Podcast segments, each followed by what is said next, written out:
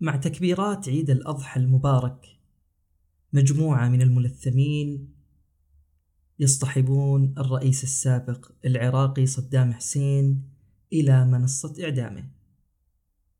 وهو غير مبالي أبدا بالسب والهتافات المعادية له وكان يتحلى برباطة جأش عجيبة جدا تقدم بكل ثقة. نحو منصة إعدامه وكان في عدد كبير من المسؤولين والشخصيات المهمة العراقية. هل كان حقا مقتدى الصدر هو أحد هؤلاء الملثمين اللي شاركوا في عملية إعدام صدام حسين؟ وهل فعلا يعني مقتدى أعدمه بنفسه؟ ولو فرضا مقتدى أعدم صدام حسين ما السبب وراء يعني هذا الإعدام وهذه المشاركة؟ وهل فعلا قاسم سليماني اللي هو رئيس الحرس الثوري الإيراني كان متواجد لحظة إعدام صدام حسين؟ كل هذا وأكثر تستمعونه اليوم في حلقة بودكاست اسألوا التاريخ. السلام عليكم ورحمة الله وبركاته. أسعد الله أوقاتك. عزيزي المستمع بالخير والمسرات هذا هو بودكاست اسألوا التاريخ وأنا عبد الرحمن السويل. كالعادة يسعدني ويشرفني متابعتك لهذا البودكاست وتقييمك له وإبداء آرائك ومقترحاتك وتعليقاتك.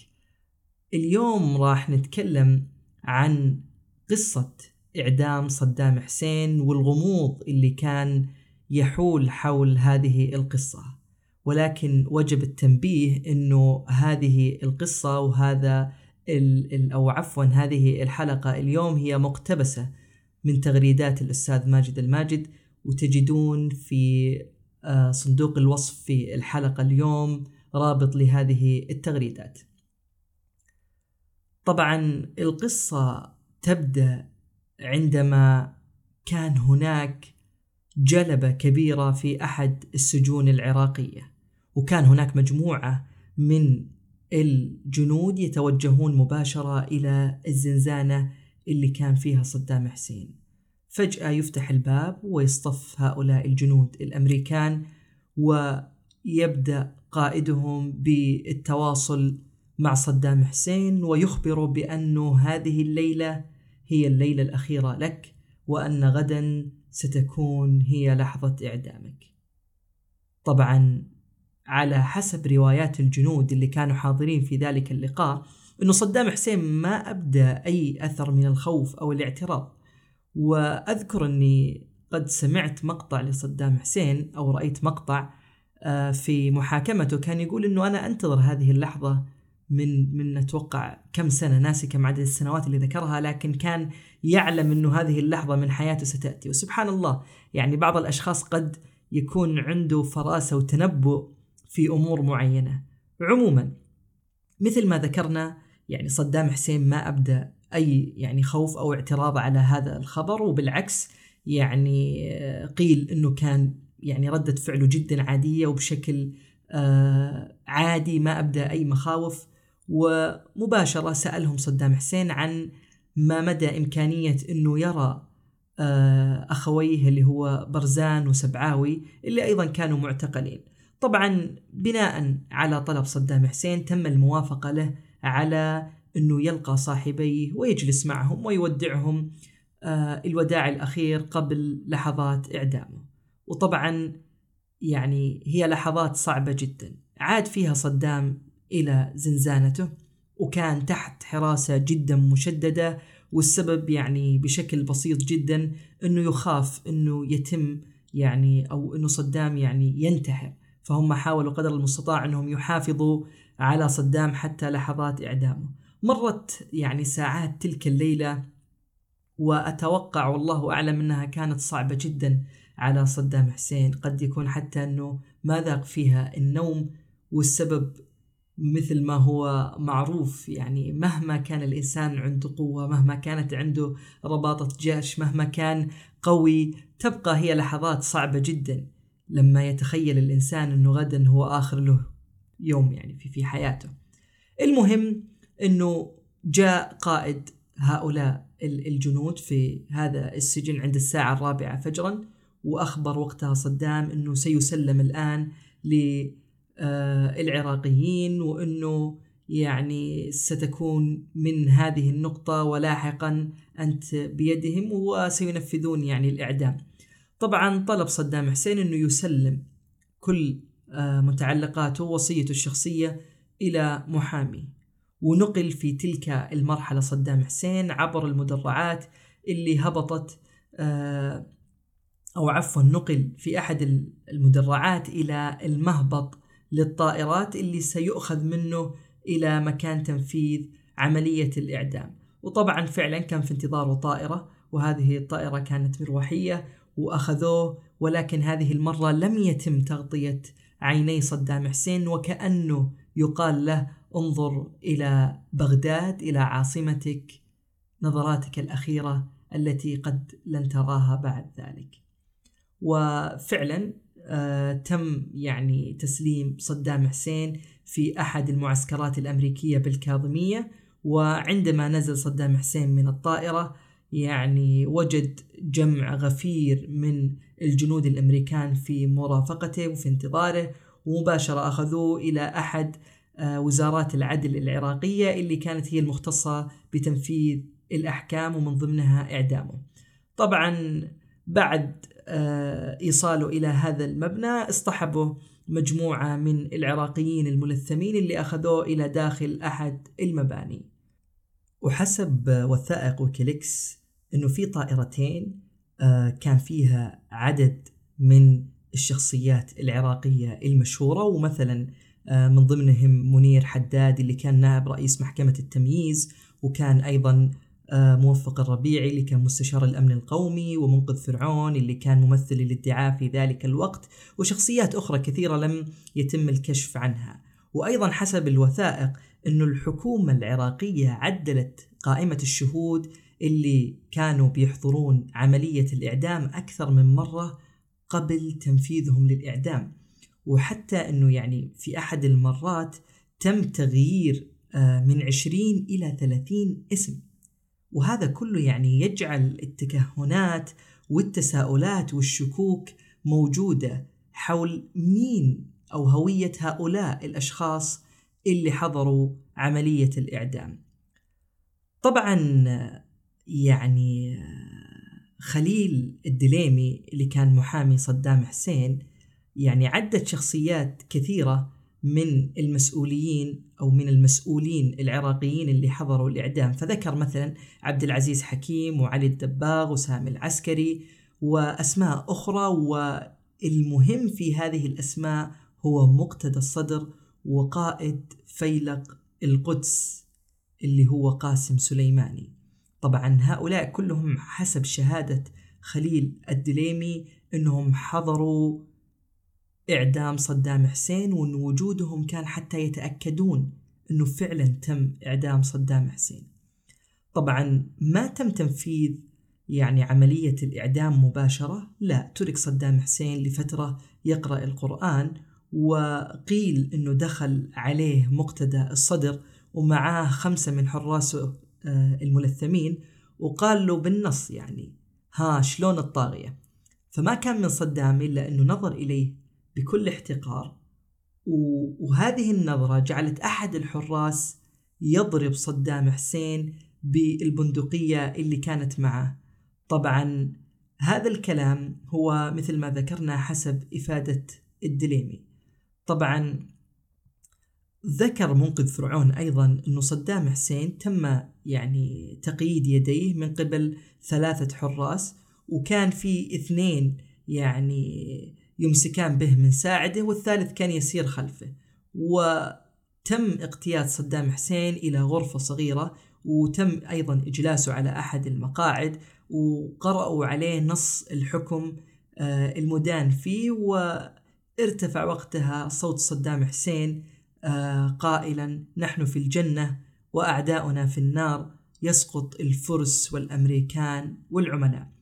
طبعا بعد ذلك تم نقل صدام حسين مثل ما ذكرنا من قبل ستة ملثمين وكانوا يرتدون ملابس مدنية إلى أحد القاعات اللي كانت مظلمة وقاتمة والإضاءة فيها جدا خافتة.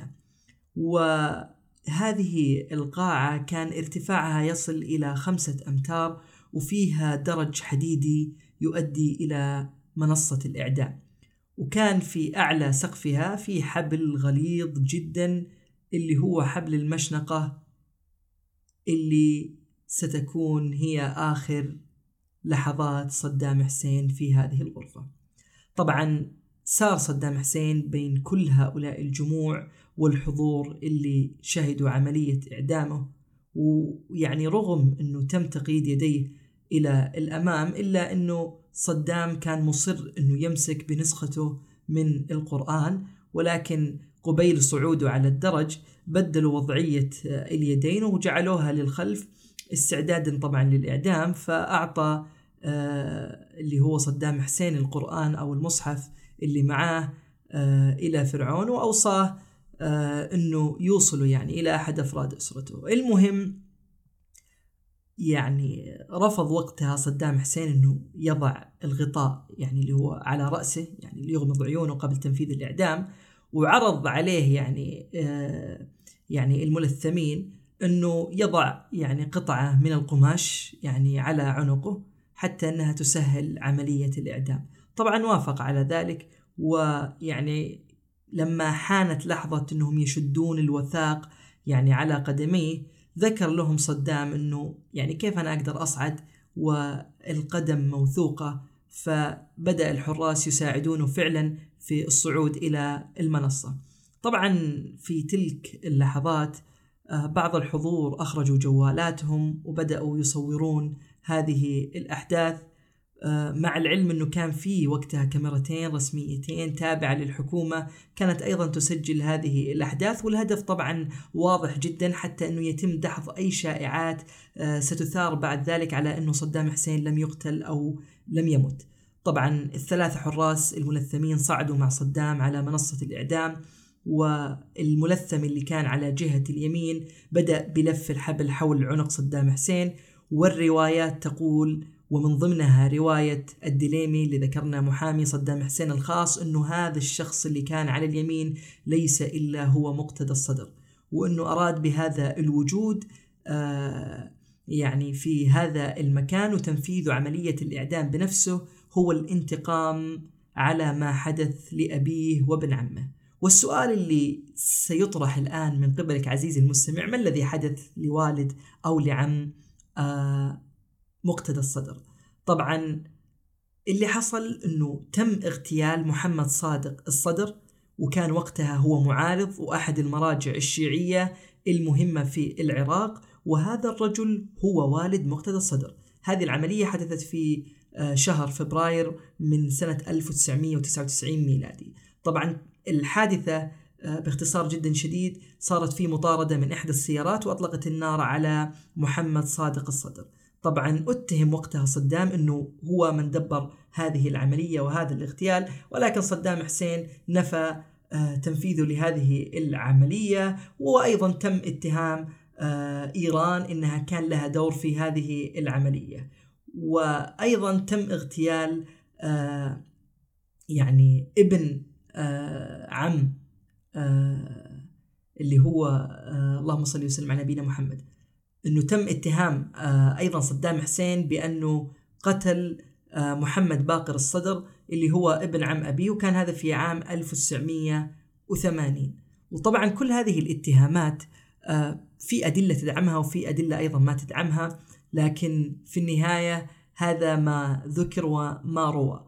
طبعا وقتها وفي منصة الإعدام آه لما سئل صدام حسين يعني هل كان يريد أي شيء قبل لحظة إعدامه؟ فكان جوابه طبعا لا وهتف وقتها وقال الله أكبر عاشت الأمة وفلسطين عربية.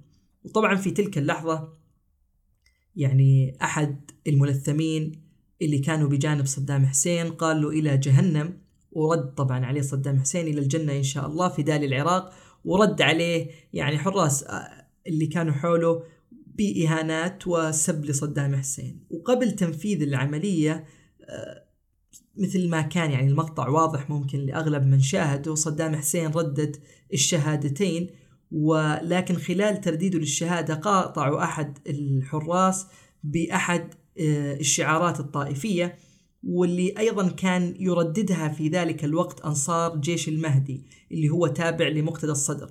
وهو بهذا النص اللهم صل على محمد وعلى آل محمد وعجل فرجهم ولعن عدوهم وانصر ولدهم مقتدى مقتدى مقتدى. هذا كان ظاهر في المقطع اللي تم تداوله لعملية إعدام صدام حسين وبعدها صدام رد يعني عليهم بقول مقتدى يعني رد عليهم بهذه النبرة نبرة ساخرة على كلمتهم وقال بعدها يعني هي هاي المرجلة بهذا النص. طبعا لما قال هذه العبارة قاطعوه أيضا وقالوا له يعني إلى جهنم وصار في ترادد يعني ما بينهم بالهتافات والكلام إلى يعني آه، حتى يعني من شاهد المقطع سيسمع أيضا أنهم قالوا يعيش محمد باقر الصدر وإلى اخره من هذه الهتافات وهذا الكلام. ووقتها تدخل آه، منقذ فرعون وقال إنه يعني رجاء لا وترجاهم يعني إنه الرجل في حالة إعدام ما نبغى مثل يعني هذا الكلام ولا مثل آه هذه الأحداث. طبعا آه بعد ذلك صدام حسين نطق بالشهادتين وقالها مرتين. وعندما قالها للمرة الثانية دوى صوت سقوط جسده من منصة الإعدام واختفى صوت صدام حسين إلى الأبد. وبعدها سادت يعني الجلبة وأسرع الحاضرون والكاميرات وبدأت كلها تصور يعني صدام حسين آه وهو في حبل المشنقة. طبعا رغم إنه يعني نفي بعض من شاهدوا الإعدام لهذه الرواية اللي ذكرناها سابقا آه إنه جيش المهدي اللي كان بقيادة مقتدى الصدر هو من شارك في عملية الإعدام وإنه هو كان أحد الملثمين اللي شاركوا. أيضا في آخرون آه صدقوا هذه الرواية وأكدوها والدليل عليها هي الهتافات الطائفية اللي كانت متطابقة مع هتافات جيش المهدي. ويعني ظهر اسم مقتدى الصدر آه، خلال عملية الإعدام. يعني هذه الكلمات اللي ذكرناها سابقا واسم مقتدى الصدر كلها تجعل الشكوك تدور حول أنه لا فعلا تم آه آه هذه العملية من قبل جيش المهدي اللي هو تابع إلى مقتدى الصدر. طبعا اللي كانوا يقولون بأنه فعلا هذه الرواية صحيحة وأنه جيش المهدي كان له دور يعني وأنه فعلا يعني مقتدى الصدر حضر يعني إلى عملية الإعدام وشارك فيها. آه، يجعلون يعني لهم رواية معينة نستطيع أن نقول أنها تؤيد هذه الرواية اللي إنه مقتدى الصدر شارك فيها. يعني باختصار جدا شديد من يرى أنه مقتدى الصدر وجيش المهدي شارك في عملية صدام حسين يفسرون الأحداث الذي التي سأذكرها الآن على أنها تدعم وجود آه، مقتدى الصدر وجيشه في هذه العملية وتنفيذهم لها. طبعا يذكر أنه آه، مقتدى الصدر كان مطلوب يعني أمنيا لأسباب جدا كثيرة ومن بينهم يعني قتله لعبد المجيد الخوائي وفسر يعني ذلك يعني ال ال الرواية اللي ذكرناها اللي تدعم هذا القول فسرت إنه تم هناك صفقة ما بين المالكي والجانب الأمريكي وكانت هذه الصفقة في بداية شهر نوفمبر من سنة 2006 وإنه من هنا بدأ التعاون ما بين المالكي وما بين مقتدى الصدر وعلى إثر هذا التعاون يعني حصل آه، إعدام صدام حسين. طبعا بعد آه، أربعة أيام من إنهاء المالكي حصاره اللي كان على مدينة الصدر تم إصدار الحكم على صدام حسين بالإعدام شنقا. طبعا وبعد هذا بالضبط تقريبا ب 18 يوم وقتها أعلن البيت الأبيض أنه في قمة مرتقبة ما بين بوش والمالكي في مدينة عمان في الأردن. ويعني هذا اللقاء آه، كان يعني أثار حفيظة مقتدى الصدر ووقتها يعني ال ال الكتلة الصدرية اللي كانت موجودة في البرلمان وفي الحكومة العراقية عارضت هذا اللقاء وهددت أيضا أنها ستنسحب من الحكومة إذا ما تم. وفعلا يعني راح المالكي إلى لقاء بوش في الأردن وكان هذا في 30 نوفمبر من سنة 2006 وفي نفس هذا اليوم يعني نفذت الكتلة عفوا الكتلة الصدرية تهديدها وأعلنت فعلا أنها ستعلق عضويتها في البرلمان والحكومة. وهذا الشيء طبعا سيؤثر على الحكومة العراقية وسيشلها وما يخليها تقدر تتخذ قرارات. ففعلا أصبح وقتها يعني حكومة المالكي في مأزق جدا كبير وكانت مهددة فعلا أنها يعني بالانهيار بسبب انسحاب مقتدى الصدر وكتلته الصدرية. طبعا كل هذه الأمور يعني يعني اللي حصلت جعلت من المالكي إنه يفكر كيف إنه يعني يجعل آه، مقتدى الصدر يتراجع عن هذا القرار.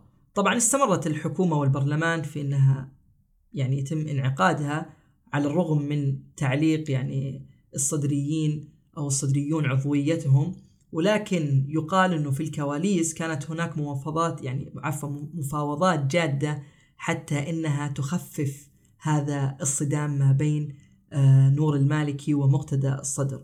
ويذكر أنه بعد مرور شهر من التعليق ومن عدم مشاركة الكتلة الصدرية في البرلمان آه، تم إعدام صدام حسين وكان بشكل جدا مفاجئ. وكأنه هذا الحدث هو جزء من التسوية وجزء من المراضاة وجزء من الاتفاق اللي حدث ما بين المالكي ومقتدى الصدر وأمريكا.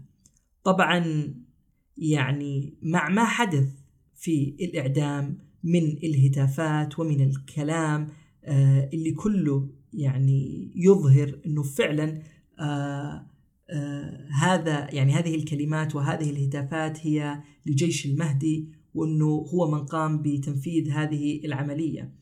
و ما يؤكد ذلك أيضا أنه ما فعلته الكتلة الصدرية في 22 يناير من سنة 2007 وقتها أنهت تعليق عضويتها وعادت للحكومة ومارست عملها بشكل جدا عادي مع أنه ما تغير موقف المالكي من الاحتلال الأمريكي اللي كانت وقتها كتلة الصدر آه، أو الكتلة الصدرية تعارض يعني هذا الفكر وهذا التوجه من نور المالكي. فكل هذه الأمور وكل هذه التنازلات اللي حدثت من الكتلة الصدرية جعلت يعني ال ال الرواية اللي تذكر إنه مقتدى الصدر شارك وإنه آه الجيش التابع أيضا له شارك في هذه العملية يجعلها تتأكد أكثر وأكثر. ويعني ما يزيد أيضا من هذه التخمينات وهذه آه الروايات إنه في تنازلات حصلت أخرى من الكتلة الصدرية بعد ذلك. على سبيل المثال يعني تسليم جيش المهدي مدينة الصدر اللي وقتها آه، سيطرت عليها القوات العراقية ويعني تفاهمات كثيرة من ضمنها خروج 127 يعني آه، من القادة من جيش المهدي إلى إيران ويقال أنه مقتدى الصدر كان يعني على رأسهم. وكل هذه الأمور اللي ذكرناها سابقا يعني تجعل آه رواية مشاركة مقتدى الصدر ورواية آه وجود اللي هو جيش المهدي في تنفيذ هذه العملية يجعلها تتأكد أكثر وأكثر.